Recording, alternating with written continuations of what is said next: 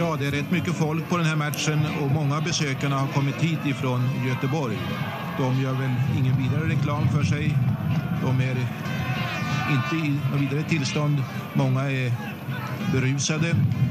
Eh, men i övrigt är det trevligt för att här hejar man. Många göteborgare hejar på ett riktigt sätt. De har skyltar och plakat och eh, nu går ett gäng här framför läktaren. Där eh, står det Göteborg på skylten och många är klädda i Göteborgs färger. En grabb har gitarr och de spelar och sjunger. En parasoll ser vi också. Men även örebroarna är med den här gången för att verkligen stödja sitt lag. Eh, flera gäng smågrabbar har gått omkring här. Jag ser på bortre långsidan, där har de sina banderoller. Heja ÖSK, heja ÖSK och så vidare. ÖSK vinner och allt vad de hittar på. Vi återkommer senare till Örebro.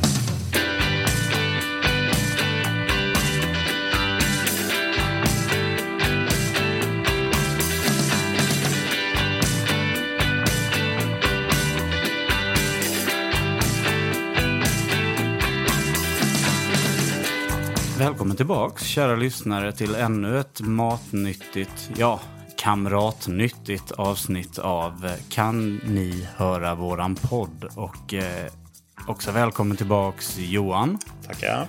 och John. Tack så mycket. Tillbaks, upp från arkiven, för här sitter ni nu med era böcker på ovanvåningen för att komma till lite svalare eh, breddgrader eller höjdgrader eller vad man ska säga. Ni är i alla fall välkomna upp och eh, vi ska eh, prata om vad eh, supportrar, Blåvita supportrar har ställt till med, vad vi har ställt till med. Mm, stämmer bra det. Och innan ni sätter igång här så tänkte jag jag skulle ha eh, en liten fråga, lite något jag fnulat på ett tag nu. Och den frågan är ställd till dig John, för i samma veva som du blev ordförande i supportklubben Änglarna blev du också pappa, eller hur? Ja, eh, tekniskt sett blev jag pappa innan jag blev ordförande i supportklubben Änglarna. Men, men det stämmer. Jag, jag, har ett, jag har en son. Grattis. Grattis. Tack. Tack, han är fin. Härligt. Och det är ju en han också. Och det kommer eh, lite också förklara min fråga. För att jag tänker att om du hade fått en dotter så hade du ju fått ställas inför frågan här med om du skulle vara någon form av pappafeminist.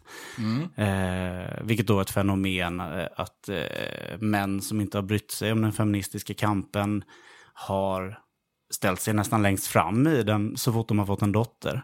Det där yrvakna, liksom. Ja. Lite nyrika. Och då, gärna, gärna hyfsat uppburen kulturman med krönikeplats i en stor dagstidning som harmsett skriver krönika om att visste ni hur illa det ser ut Arg i bil i också. könskriget? Men eftersom du nu har fått en son så, så, så slipper du genomgå den frågan. Men jag tänker att det finns en supportervariant av den här frågan och det är ju sen du blev familjefar här nu. Har du ändrat dig i bengaldebatten? Bra fråga.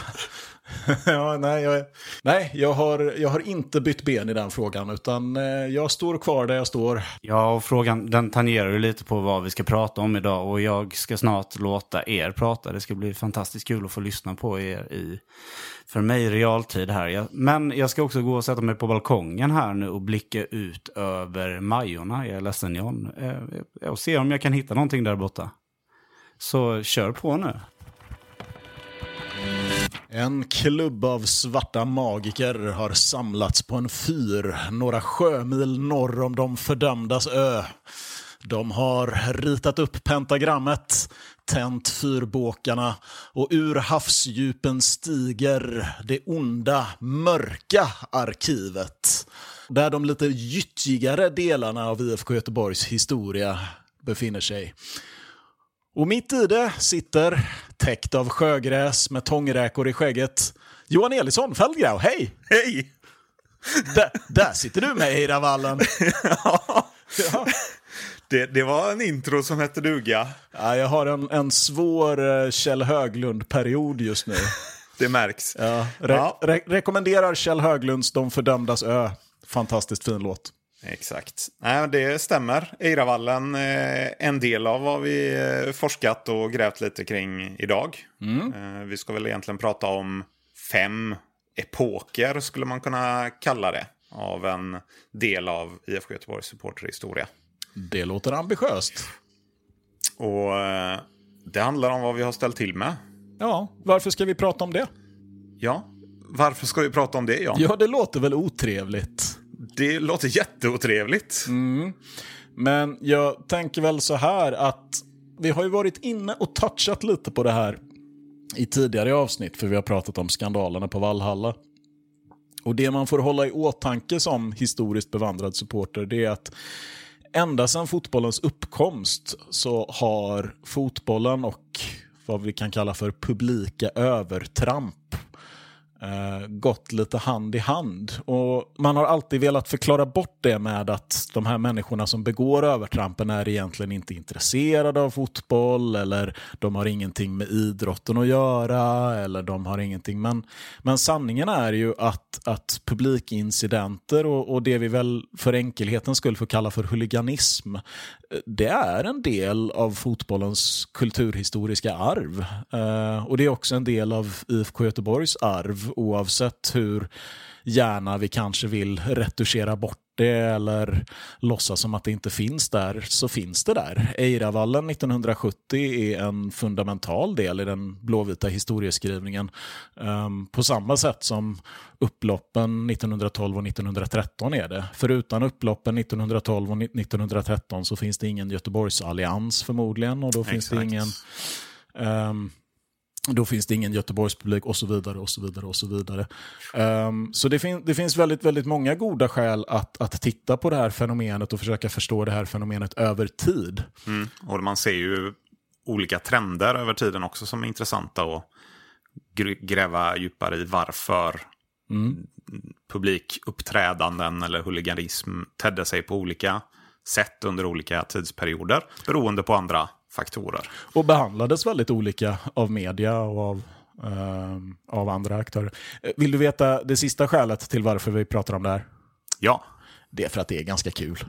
det är det faktiskt. Det är ett roligt ämne. Ja. Låt, låt, låt oss vara öppna med det. Låt oss Ja. vara ärliga med det. Det, det. det är kul och det är spännande. Och, och, och du ska få börja i eh, scener som vi redan har varit lite inne på. För du har eh, fördjupat dig en smula i de här allra, allra första publikuppträdandena. Mm. Den första delen eh, i det här eh, arkivsnacket handlar egentligen om, som John är inne på, eh, det tidiga 1910-talet, kanske till och med 00-talet, fram till mitten av 10-talet, som, eh, där vi har gått igenom dels skandalerna på Vallhalla, men det finns även en del andra saker under de årtiondena som får ett antal konsekvenser och som sen leder vidare till en ny epok eh, i eh, publikskandalhistorien helt enkelt. Och vi kan, eh, tycker jag faktiskt, om inte du säger emot John, gräva lite djupare i eh, 1912 och 1913 eh, som är de mest intressanta, småroliga faktiskt, händelserna jag säger gräv, bara gräv. Sätt spaden i marken. Då gör vi det. 1912 som sagt. Eh, på den här tiden så handlar mycket om eh, av publikskanalerna kanske inte bara om publiken utan oftast om triggat av, av något som händer på plan. Och 1912 är ingenting som är ett undantag från det här. 1912 var en extremt hård match mot ÖIS eh, där alla tidningar i, i princip skrev om hur många hårda sammanstötningar och våldsamma kollisioner som, som spelet förde med. Och centralt i, i det här så står eh, Erik Börjesson som hade värvats från Jonsered. Eh, stor profil i, i Blåvitt. Stor profil i svensk fotboll Ja, skulle jag vilja säga. han, han ju. beskrivs ju ofta som svensk fotbolls första riktiga storstjärna. Exakt. Eh, En fruktad målskytt med eh, en inte helt... ah, Han verkar inte vara varit en helt lätt person att komma överens med. Nej, vi kommer ju kommer komma in lite på eh, det i olika slag också. Precis. Eh, men förutom honom så kommer ni känna igen namnet Sandberg, som vi nämnt. Och där har ju faktiskt vår eh, po poddens vän eh, Jens Hallberg på IFK Göteborg Databas, han har ju kommit med en, eh, en fotbollshistorisk eh, bomb kan man säga. För han har ju avslöjat att just Gustav Sandberg, innan han tog på sig den förhatliga rödblåa tröjan så spelade han i IFK Göteborg. Ja, jag lägger ner micken och går nu. Men han spelade inte länge i IFK Göteborg och vet du varför? Nej. Han stängdes av. Han är den första personen som utesluts ur IFK Göteborg. Av skäl som inte är helt klarlagda. Jens, jag finansierar din forskning i ett år. Det är ett löfte jag avlägger här och nu. Supporterklubben Änglarnas kontanta medel. Jag Nej. lägger lika mycket som John lägger. För att gräva i den här historien.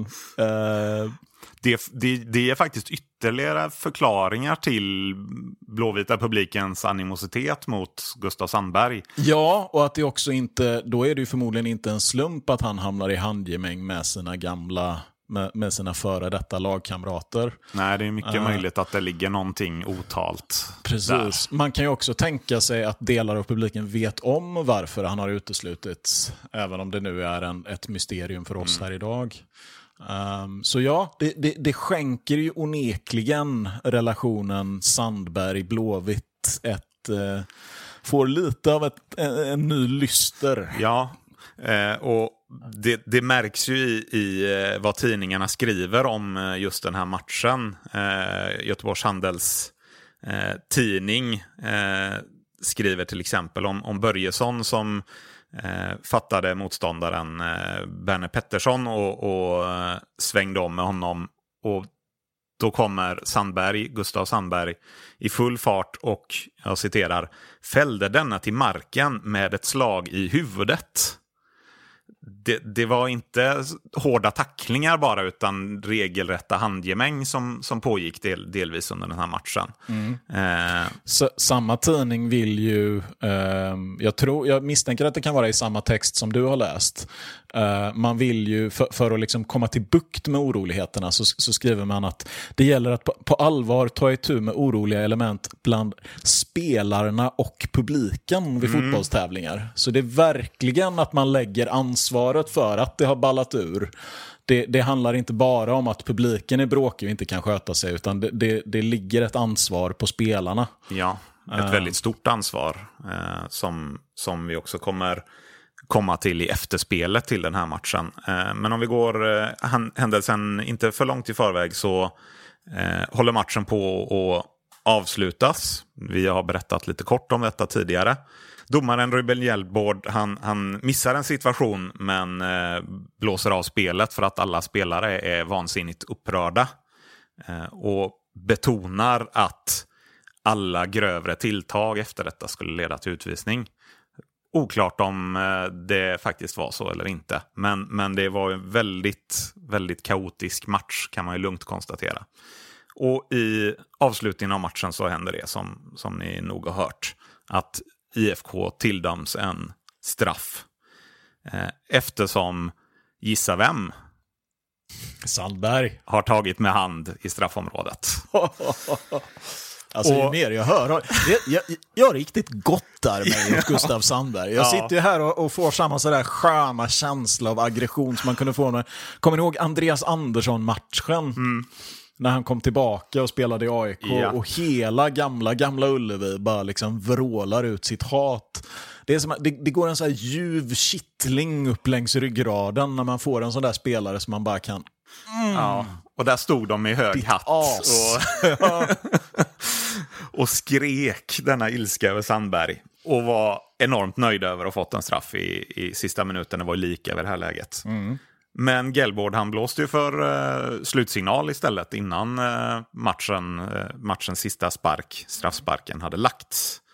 Eh, och därefter så börjar ju det upproret på, på läktarna helt enkelt. Där det är inte bara läktarna som är upprörda, såklart spelarna också.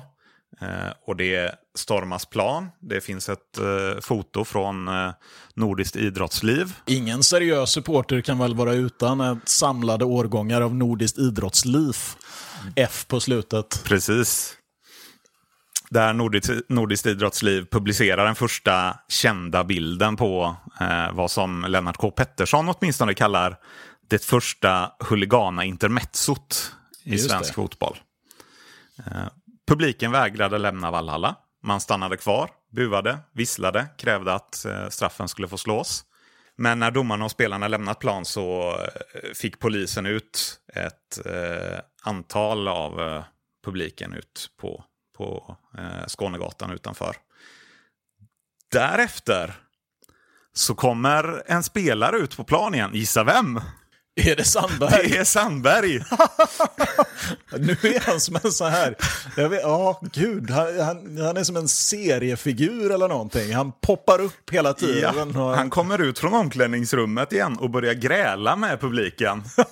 Som om det inte var nog. Eh, och det är klart att här exploderar ju hela området kring, kring gamla Vallala IP. Och i mer än en timme så förhindrades all trafik på Skånegatan. jag, jag, jag måste säga att, att just den gesten och liksom kliva ut igen och, och, och ta det där liksom, ja men kom då. Ja. Det, det finns ju en del av mig som respekterar det på samma sätt som jag någonstans ändå respekterar när Sebastian Larsson kvitterar på övertid, drar en 60 meters löpning mot Malmös bänk och skriker vamos horungar.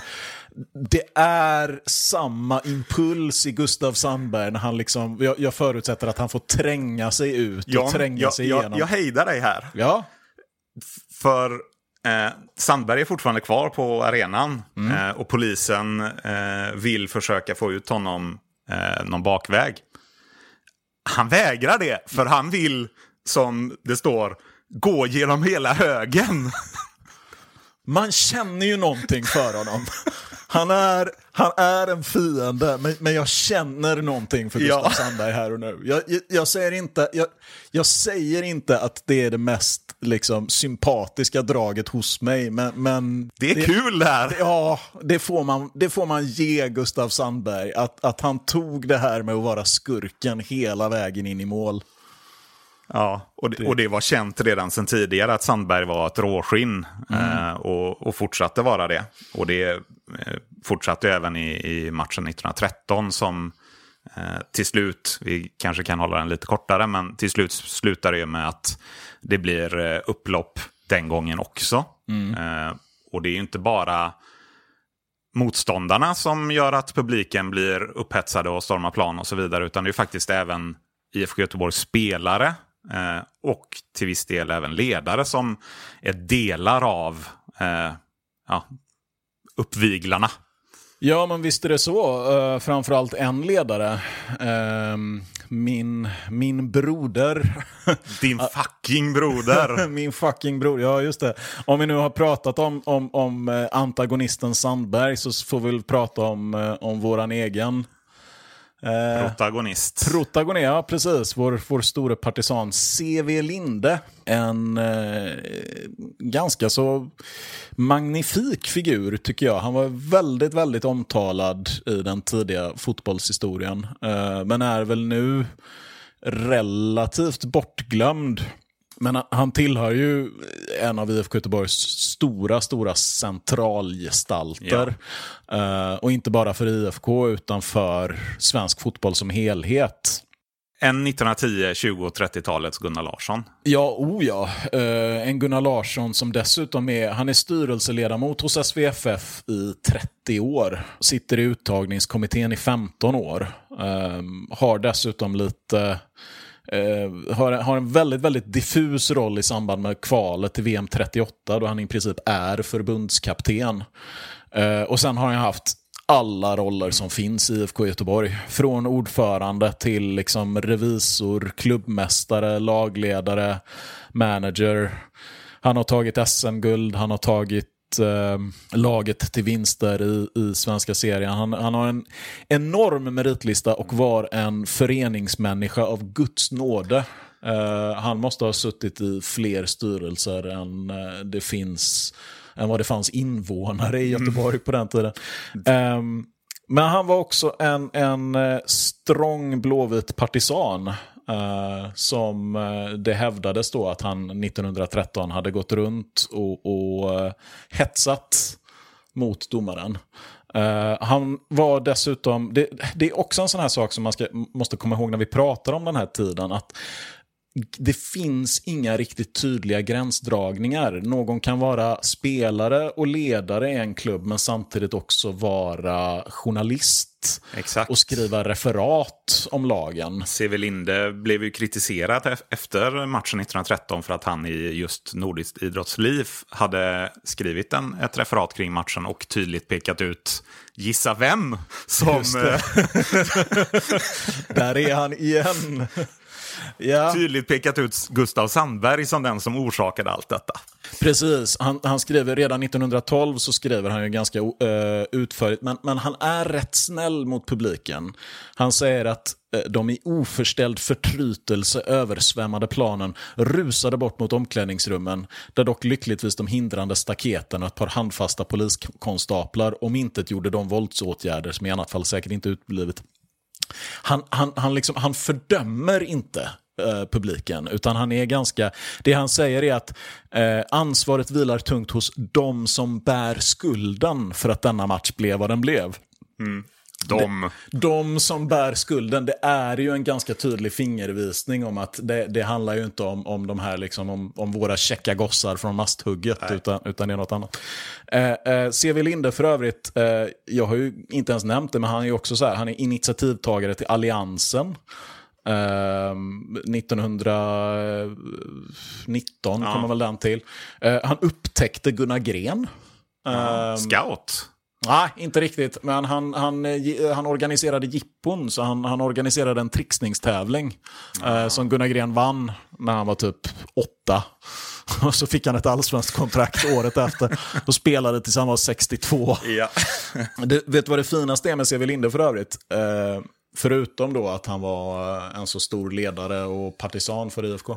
Jag skulle kunna tänka ett tag här, så jag säger nej istället. Han hatade Stockholm.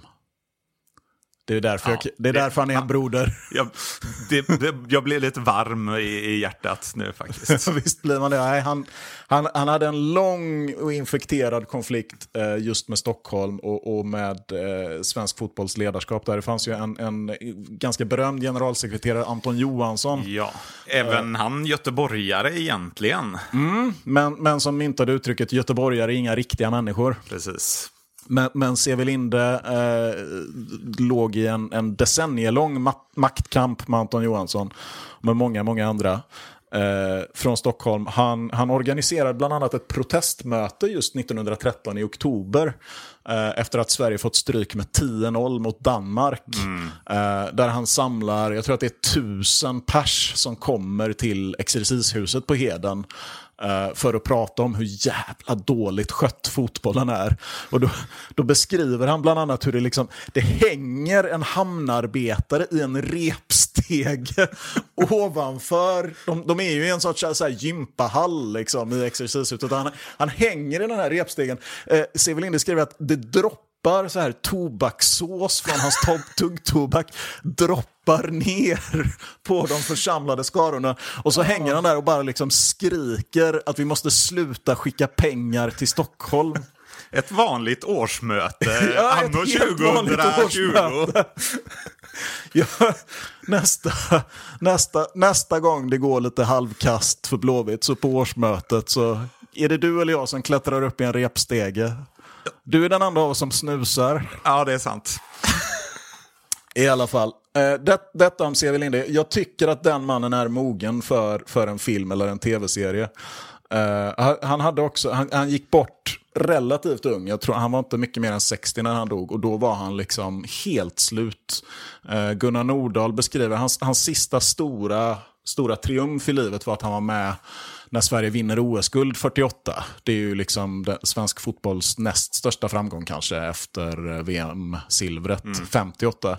Och då beskriver Gunnar Nordahl, som var med i den matchen, han kommer in i omklädningsrummet efteråt och alla liksom firar och jublar. Och så tittar han sig omkring och så ser han att i ett hörn så sitter C.V. Linde som då är åldrad i förtid, utmärglad, helt grå i ansiktet och han sitter, han jublar inte, eh, han är inte uppe och rör på sig utan han bara sitter och gråter. Tårarna bara liksom rinner för då har han lagt hela sitt liv på fotbollen.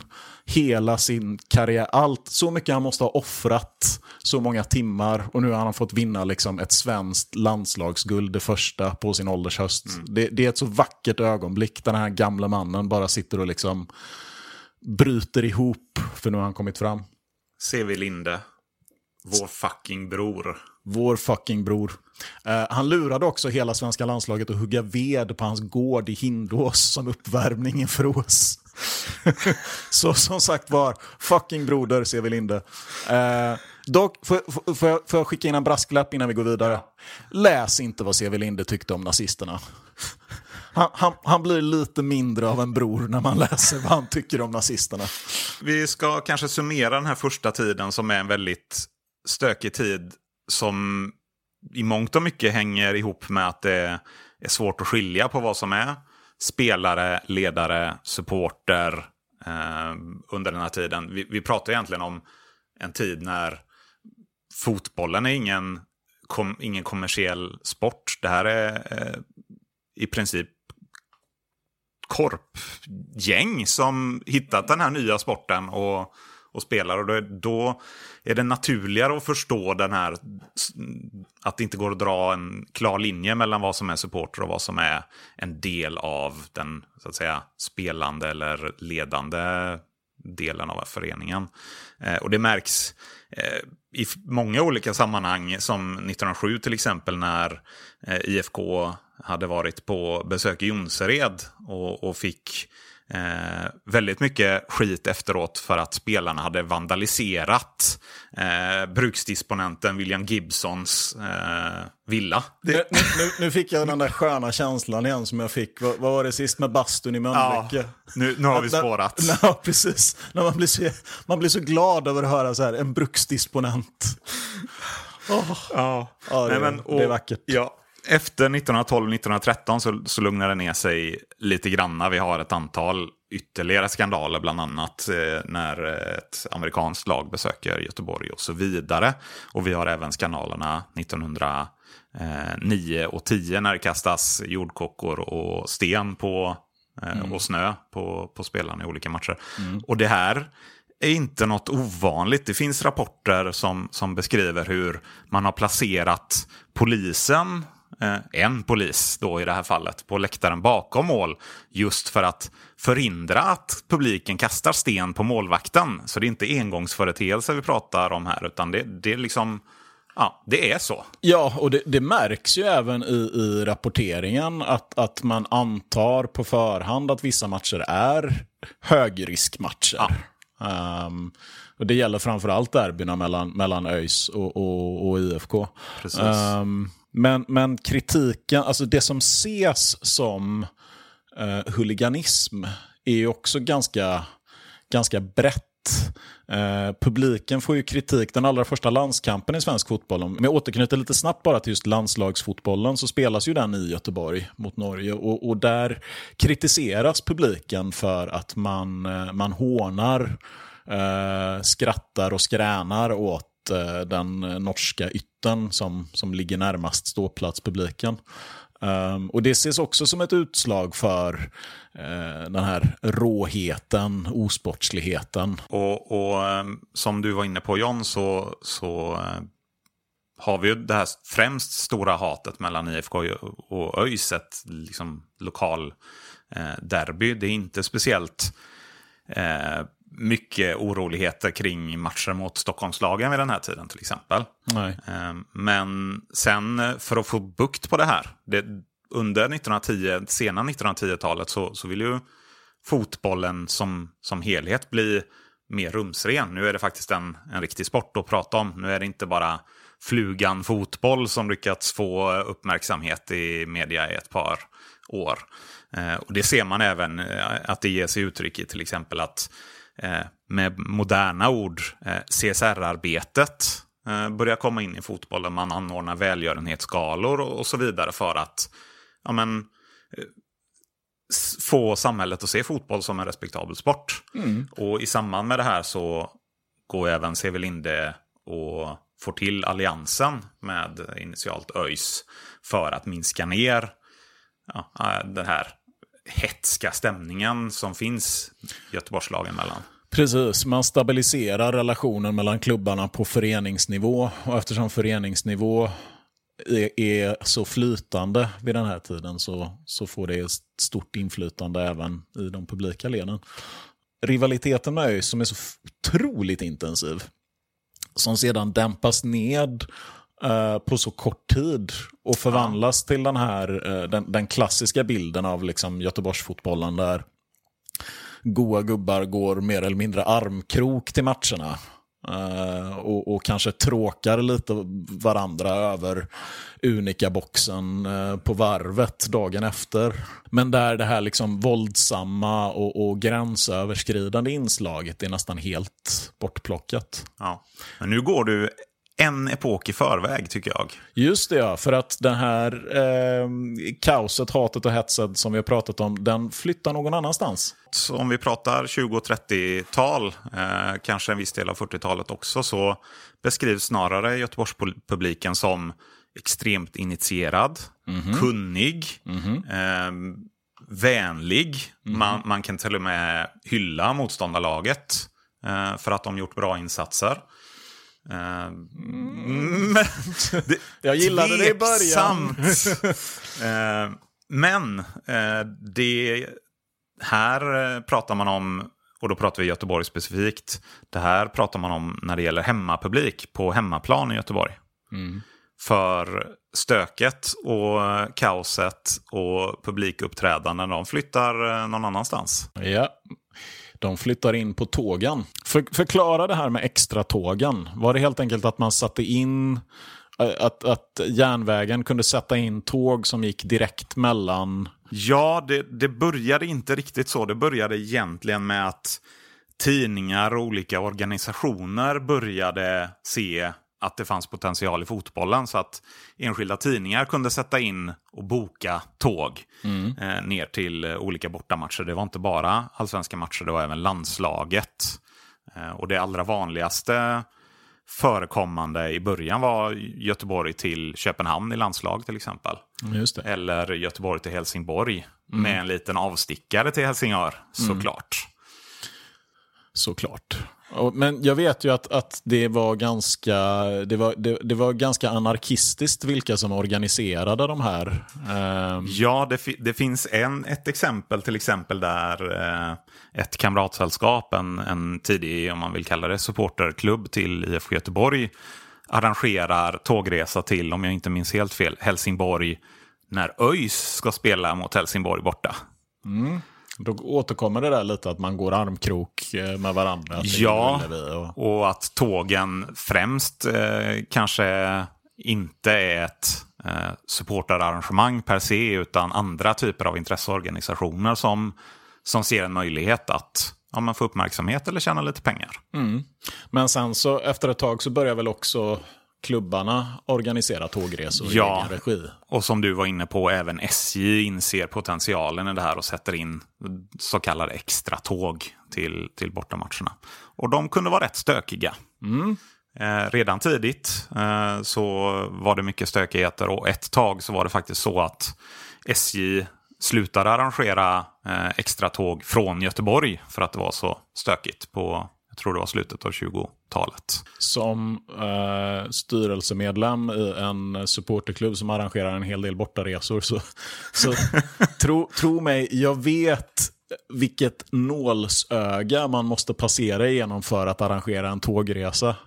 Nu för tiden så är det ju verkligen så här, det är ju en sån grej som alla de stora supporterklubbarna eh, inför varje år Alltså det pratas ju om det överallt, om att få till en tågresa. Och det är skitsvårt. Ja, skulle levt på 20 och 30-talet. Eller hur? Du, vilken är den stora tågskandalen i Blåvitts historia då? Den eh, inträffar ju faktiskt egentligen senare, för, för den här extratågsperioden börjar dala lite i mitten av 30-talet för att mm. få bukt med de här problemen. Men den, den stora tågskandalen eh, får vi väl ändå säga 1939. Eh, Precis, den så kallade mörkläggningsskandalen. Det här är hösten 39. Man behöver inte vara otroligt historiskt bevandrad för att veta vad som försiggick i omvärlden hösten 39. Nej, det bör ni nog känna till de flesta av er. Det som försiggick i den blåvita världen, det var en bortamatch mot Elfsborg. Och är det bortamatch i Borås, då vet man vad som gäller. Då ska vi fylla bortaläktaren. Och det gjorde man. Eh, Blåvitt själva var inte arrangör av det här tåget. Eh, men det fylldes upp med ungefär, tror jag, 1600 supportrar. Japp, det stämmer. Och det var även ett antal som åkte med ordinarie tåg. eh, Precis. Ehm, och de beskrivs ju som hemska att komma i närheten av. Spritpåverkade ynglingar som för ett fruktansvärt liv. Jag relaterar. Det, det, det kan stickas in om extratågen att det, det var inte nödvändigtvis så att det bara var supportrar som åkte med de här tågen. Det var ofta så att ehm, folk tog sig, det var billiga biljetter också ska sägas. Så folk tog sig med de här tågen för att se en annan stad. Nu blir det lite eh, historiska saker här som eh, inte riktigt passar in i hur vi ser på världen idag. Men det var väldigt många kvinnor som åkte med de här tågen också. Inte främst för att gå på fotbollen utan för att besöka en ny stad. Eh, shoppa lite till exempel. Och även män såklart. Men det, ja, många som tog tågen för att de kunde ta tågen. Det serverades inte alkohol på arenorna. Eh, men på tågen gick det bra. Just det.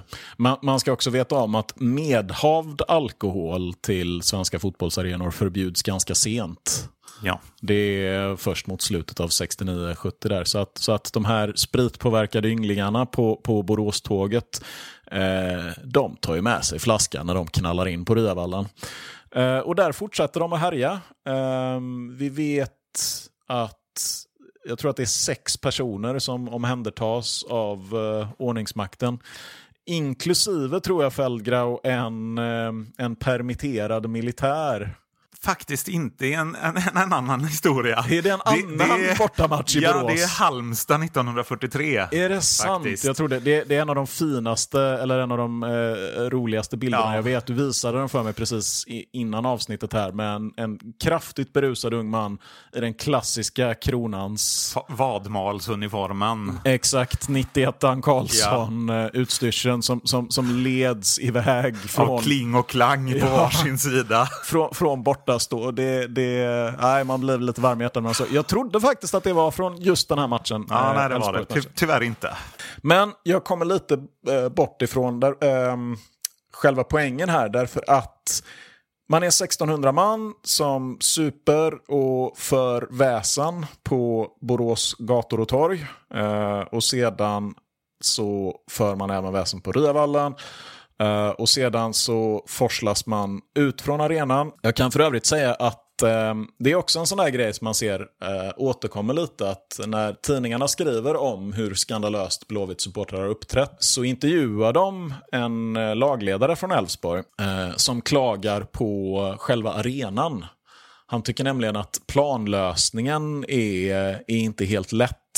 Eh, för det gör det svårt för dem att få koll och styr på publiken. Eh, och Det där tycker jag är lite intressant. För mig så känns det som ett väldigt modernt resonemang. Det här att man vill bygga man måste bygga arenor så att säkerheten sätts i främsta rummet. Det tänket visste inte jag förekom så tidigt. Nej, och det kommer vi komma till när vi går in på 1970. Att det fanns ju inte ens då, men uppenbarligen så hade någon tänkt det 30 år tidigare. 70 som kommer vara slutpunkten för det här arkivsamtalet. Men för att knyta ihop 39-säcken. Det som händer är att när supportrarna kommer hem. Jag vet inte om, om ni kan relatera till känslan av att efter att ha krökat friskt och varit på bortamatch och man kommer hem trött och sliten och kliver av eh, bussen eller tåget Eh, i centrala Göteborg.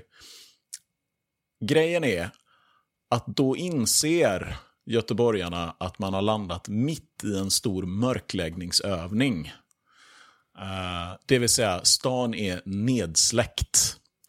Och om du har betett dig som ett as dagen lång och du landar hemma i Göteborg. Du är fortfarande bra i hatten och du inser att här är det...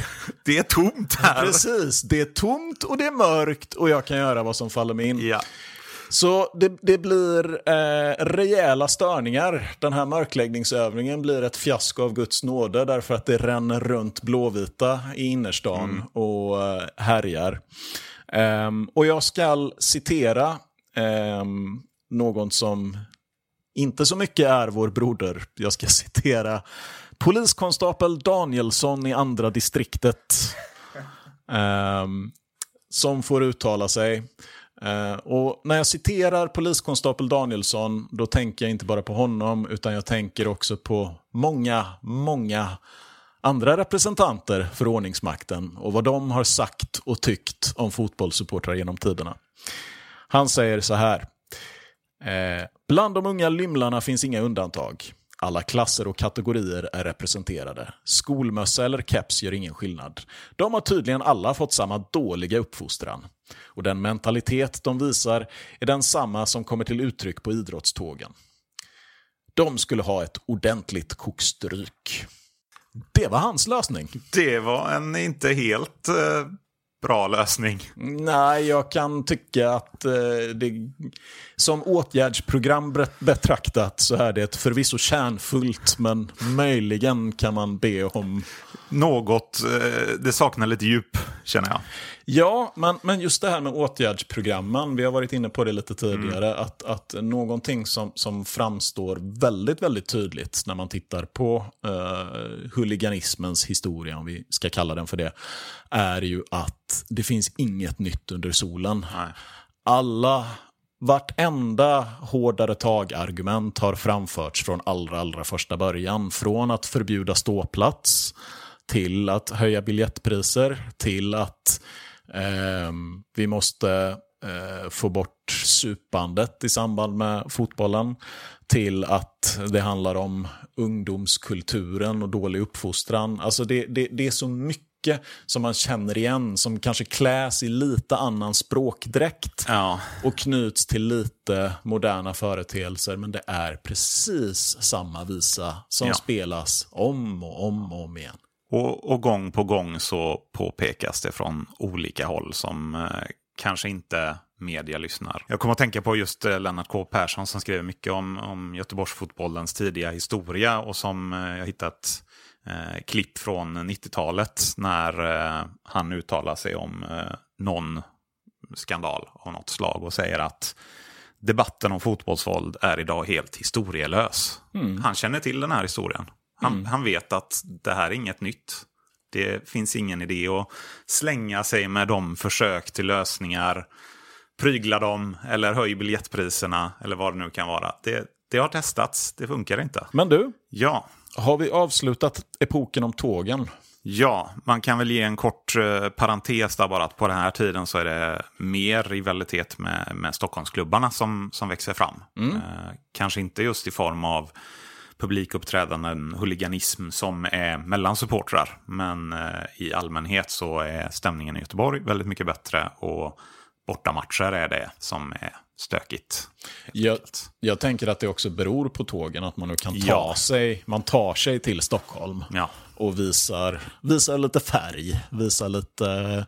Det, det känner man ju igen, alltså den här impulsen att, att göra sig hörd och känd som bortaresenär, den måste ju ha förekommit väldigt, väldigt tidigt i, i eh, fotbollshistorien. För det, det är ju en drift som är så oerhört lätt att falla för. När man kliver av på perrongen och man liksom man vill sträcka händerna i luften och, och, och skrika. Det går tillbaks till något sorts primalbeteende. Nytt revir och pissa in, ja, men det gör ju verkligen i det. princip. Men du, du ska få lotsa oss vidare i dina epoker här. Vilken är nästa? Nästa epok eh, skulle man kunna kalla den lugna tiden. Eh, John förva- förvarnade lite om den. Det finns ju inte så mycket att, berätta om just vad, vad vi ställt till med under den här perioden, även om man kan göra Eh, några enstaka eh, nedslag på isolerade incidenter, skulle man kunna kalla det. Men den här epoken präglas snarare av en ytterligare tillbakagång till ett extremt vänligt Göteborg. Eh, det här är inte en tendens som ses i hela Sverige, men i Göteborg så är publiken verkligen, verkligen världens bästa publik sett ur svenska journalisters ögon åtminstone. Mm. Vi pratar eh, sent 40-tal, 50-tal, mm. fram till början av 60-talet skulle man kunna säga. Mm. Och här har vi ju, eh, jag tänkte faktiskt ta fram eh, lite Gusten från kusten. Har du läst Gusten från kusten? Ingen seriös supporter kan. Nej, nej, jag, jag kan inte ens låtsas. Jag kan inte ens låtsas. Nej, nej Johan, nej, nej. Fällgrav, jag har inte läst Gusten från kusten. Förklara för mig. Då, då, Vem ska, är du, han? då ska du få höra här. Det, det är egentligen en pseudonym för Börje Arvold som eh, faktiskt inte är urgöteborgare. Han är från, född i Kalmar av alla ställen. Nej. Eh. Ser man på! Men han skriver eh, krönikor, eh, kolumner mm. i GT under 40-50-talet. Mm. På göteborgsdialekt, skriven göteborgsdialekt. Väldigt intressant att läsa sidospår, studerat som många språkforskare som studerar dialekter. Eh, och här kommer ett, eh, en liten kortläsning. 3 juni 1951.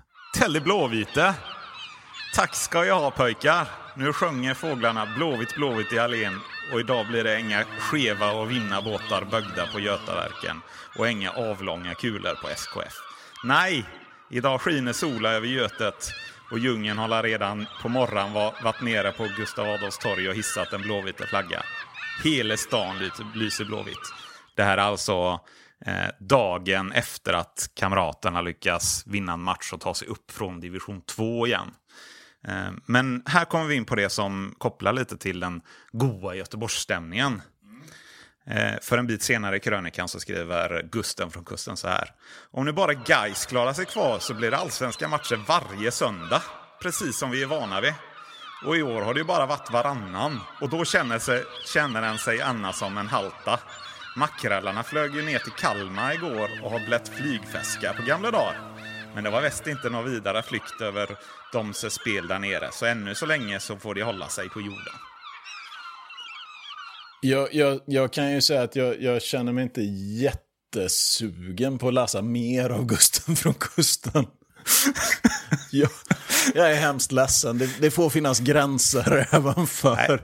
Men, men, men jag förstår vad du menar i termer av att det är en bra illustration av det här att man ser Göteborgsfotbollen som... Och det, och det där lever ju kvar, tycker mm. jag, hos en del, alltså ur den lite äldre generationen. Jag stötte på någon, någon äldre göteborgare en gång på, uh, på en släktfest eller vad det var, som, som försökte då liksom relatera lite till, till mig när han hörde att jag var väldigt blåvit mm. och, och gillade fotboll och så. Och då skulle han dra någon sån här gammal vits som gick ut på att Eh, en stockholmare eh, försöker vara kaxig och säga att han inte ens vet vart Göteborg ligger. Och då svarar göteborgaren, vart Göteborg ligger? Etta, tvåa och trea i tabellen. Ja. Att det liksom är... Eh, och så tittade han på mig och ville att jag skulle, ja. skulle vara med på den. Ja. Liksom. Men, men och, och, om om det ligger tre Göteborgslag i toppen av tabellen, då, då är ju jag bara så här... Då ha, det hatar jag. Ja, det hade varit helt fruktansvärt ja. för mina stackars franska nerver. Precis. Men så här är det på 50 och 60-talet helt enkelt. Det, det är mm. extremt lugn Göteborgspublik. Och därför tycker jag faktiskt att vi går vidare, för det är inte så mycket kul att höra mig prata fejk göteborgska. Men, men det finns ju ändå, jag vet att det är, det är något slagsmål eh, vid ett derby mellan Blåvitt och Gais där det är oroligheter på 50-talet. Men eh, som, som jag har hört talas om i en annan podd. Mm. Men det tror jag att ni kanske knyter an till lite senare i studiosamtalet. Det kan vi nog göra. Men du, den sista epoken då? Ja, eller sista och en halv i alla fall. Mm. Skulle jag vilja kalla det. Just det. Det finns en ganska naturlig slutpunkt för det här samtalet. Och det är ju den famösa Eiravallen ja. som du satt och höll i där när vi framkallade det svarta Ja, arkivet det- ur den- Göta älvs Det kräver sin egen epok och mer än så nästan. Ja, eh, men det intressanta med Eiravallen är ju två saker. Nej, det finns mycket som är intressant med Eiravallen. Men, men, men det intressanta, två saker som jag fastnar för. Är det första är att man kallar det för den moderna huliganismens födelse. Men- Mm. Ur svensk perspektiv. ur svensk perspektiv. Men det stämmer ju inte riktigt. Därför Nej, inte till hundra procent. Eiravallen har ju inga efterföljare i den meningen. Eh, Det skapas inte en kultur av planinvasioner i syfte att påverka matchernas utgång och så, utan det som händer är ju att några år senare så uppkommer den här mer uttalade slåss kring matcherna, huliganismen i slutet av 70-talet kring framförallt AIK och Hammarby. Då. Om man ska betrakta Eiravallen 70 som den moderna huliganismens födelse, då kan man lika gärna gå ett år bakåt i tiden Ja. och titta på Jönköping 69. För att samma IFK Göteborg som står där en grådassig oktoberdag på en dag i oktober 1970 och stirrar rakt ner i avgrunden, division 2 som det hette på den tiden. Samma lag har prick ett år tidigare spelat för och vunnit guldet under Bebben med champagnefotbollen. Och när man vinner guldmatchen, som man gör på Stadsparksvallen i Jönköping. Klassiskt. Oh ja. Och som jag hoppas att bussen avgick 2006. Ja. Och de hade med sig sin pipa och ett paket kex. I alla fall, Jönköpings matchen 69, då säkrar Blåvitt guldet. Och det är ju också en match som omges av en stor grupp tillresta Blåvita supportrar som är i väldigt, väldigt stark affekt. Alltså det är samma starka känslor som sätts i spel oavsett om det är en viktig match för guldet eller om det är ett hetsigt lokalderby under en infekterad tid i lokalfotbollen eller om det är eh, en eh, supig bortaresa eller om det är eh, att man spelar för, för, för livet helt enkelt, för klubbens existens. Så, så är det ju samma upplevelse av att alla lagar och regler sätts ur spel. Ja. Här gäller någonting annat. Här gäller den totala anarkin och lidelsen. Ehm, och i Jönköping så springer ju publiken in på planen efter varje blåvitt mål eh, I skockar och kastar sig runt halsen på spelarna. Och efter varje blåvitt mål så måste ordningsmakten ingripa och i princip slå dem av plan. Eh, och efteråt i tidningarna så ja, rapporteringen handlar en del om eh, Blåvitts guld, men den handlar också en del om att, ja, men vad är det för publik de har? Just det, du håller upp en rubrik här framför mig. Spritorgier och bråk på vallen när Göteborgs supporters skämde ut sig. Precis. Och Det är intressant att återkoppla till det du säger om just det här med känslofenomenet. För det är även så att blåvita spelare efter matchen eh, berättar i tidningen om hur, de kände sig osäkra eller rädda för det här eh, enorma kao- glädjekaoset faktiskt. Men fortfarande kaoset. Precis. Och, och det där har ju att göra med att, det ser man ännu tydligare i Örebro 70. Vi, vi, vi har berört det här, men den här gamla, det gamla tankesättet kring idrott, där idrotten var någonting fostrande, någonting som, eh, som skulle stävja anarki och upplopp. Någonting som skulle bidra till att eh, ungdomen blev disciplinerad och laglydig och skötsam och inte söp och inte... Det, det där har ju gamla, den gamla tidens idrottsledare väldigt, väldigt svårt att förhålla sig till när den unga generationen visar sig att de inte alls är särskilt intresserade av att vara skötsamma Nej. och laglydiga när de går till fotboll. Utan de vill, de vill ge utlopp för sina känslor på sätt som ibland slår över. Och du, du har nämnt ehm, Torsten Tegnér tidigare. Ja. Eh, den, den, Första superstaren inom sportjournalistik. Precis. Han lever så pass länge att han faktiskt hinner med att skriva om Örebro 70. Vad Och då- skriver han egentligen, John? Jag har faktiskt inte läst det. Han skriver att Eh, den allmänna meningen är för en hundraprocentig disciplin. Dess motsats, anarkin, själsvåldet, har ingen funktion varken på idrottsplatserna eller i våra rådslag. Vi har inte råd med laglösheten och de anarkistiska tilltagen. Um, en annan sak som Torsten Tegnér gör, det är att han, han, eh, och det här är faktiskt intressant för att en gång när vi påbörjade det här arkivsamtalet, någon gång för ja, sex, sju timmar sedan ja. kanske, så inledde vi det med att tala om hur både spelare och publik sågs som ansvariga för mm. att det bröts ut kravaller. Eh, och den diskussionen ploppar upp igen 60 år senare, Örebro 70, därför att då förekommer det på väldigt många olika håll att man pekar ut spelare i IFK Göteborg som har vinkat in publiken på planen. Uppviglat dem och dra upp stolparna så att matchen kan brytas. Exakt. Jag kom på att vi har ju inte förtydligat vad Örebro 70 ens handlar om. det är så självklart i våra ja, sinnen. Precis, men vi ska ju kort nämna då. Blåvitt riskerar nedflyttning. Eh, Behöver har, vinna. Måste vinna mot Örebro borta, sista matchen eh, 1970. Eh, Örebro leder med 1-0 när Blåvitts supportrar som har placerats inne på, på löparbanorna på Eiravallen, för det finns inte plats för dem.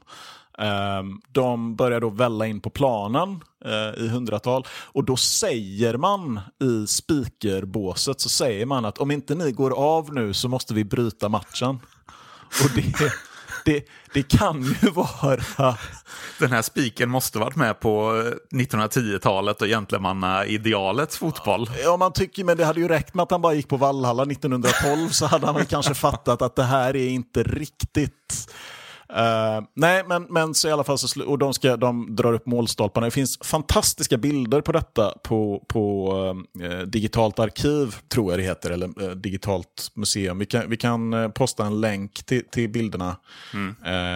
när vi går ut med det här avsnittet. Men, men det är väldigt, väldigt fascinerande bilder som tidsdokument betraktat när, när de här unga männen i, i 70-tals polisonger och kavajer eh, vandrar runt planlöst mm. där inne. Eller planlöst, haha.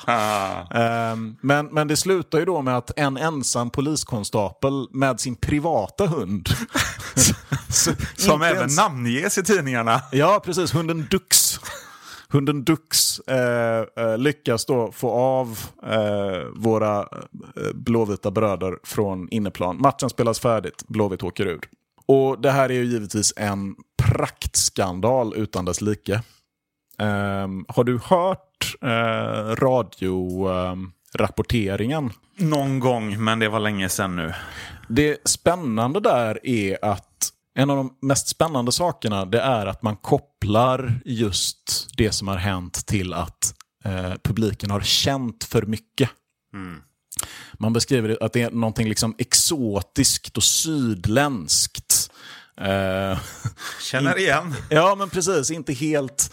Uh, att, att det är en, en masshysteri. GT pratar om att det är, liksom, att det är frälsningsmöteskänsla. Och de, de människor som är satta till att rapportera om och beskriva det här fenomenet, de är så oförstående. Ja. De fattar verkligen inte Nej. hur man kan känna de här starka, starka känslorna och hur man inte kan respektera sportsligheten. När, när den här stackars Örebro-spiken där i båset säger att men om den inte går av så kommer vi bli tvungna att avbryta matchen. Han förväntar ju sig ett helt annat ja. resultat. Han tänker ju att, jag vet. nu, om jag bara vädjar till ja. deras gentlemannamässighet då kommer vi att få bukt med den här incidenten. Ja. Men, men det händer ju inte därför att människorna som, som är där inne på planen, de, de, de, det är inte bara det att eh, de är inte bara yngre, utan de har en annan idrottsideologi. Ja.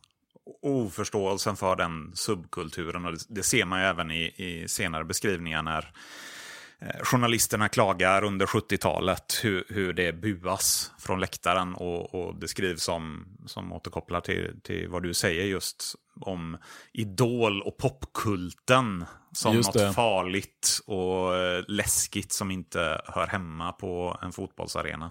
Popslynglar tror jag de skriver ja. om, om eh, in, invadörerna i Jönköping.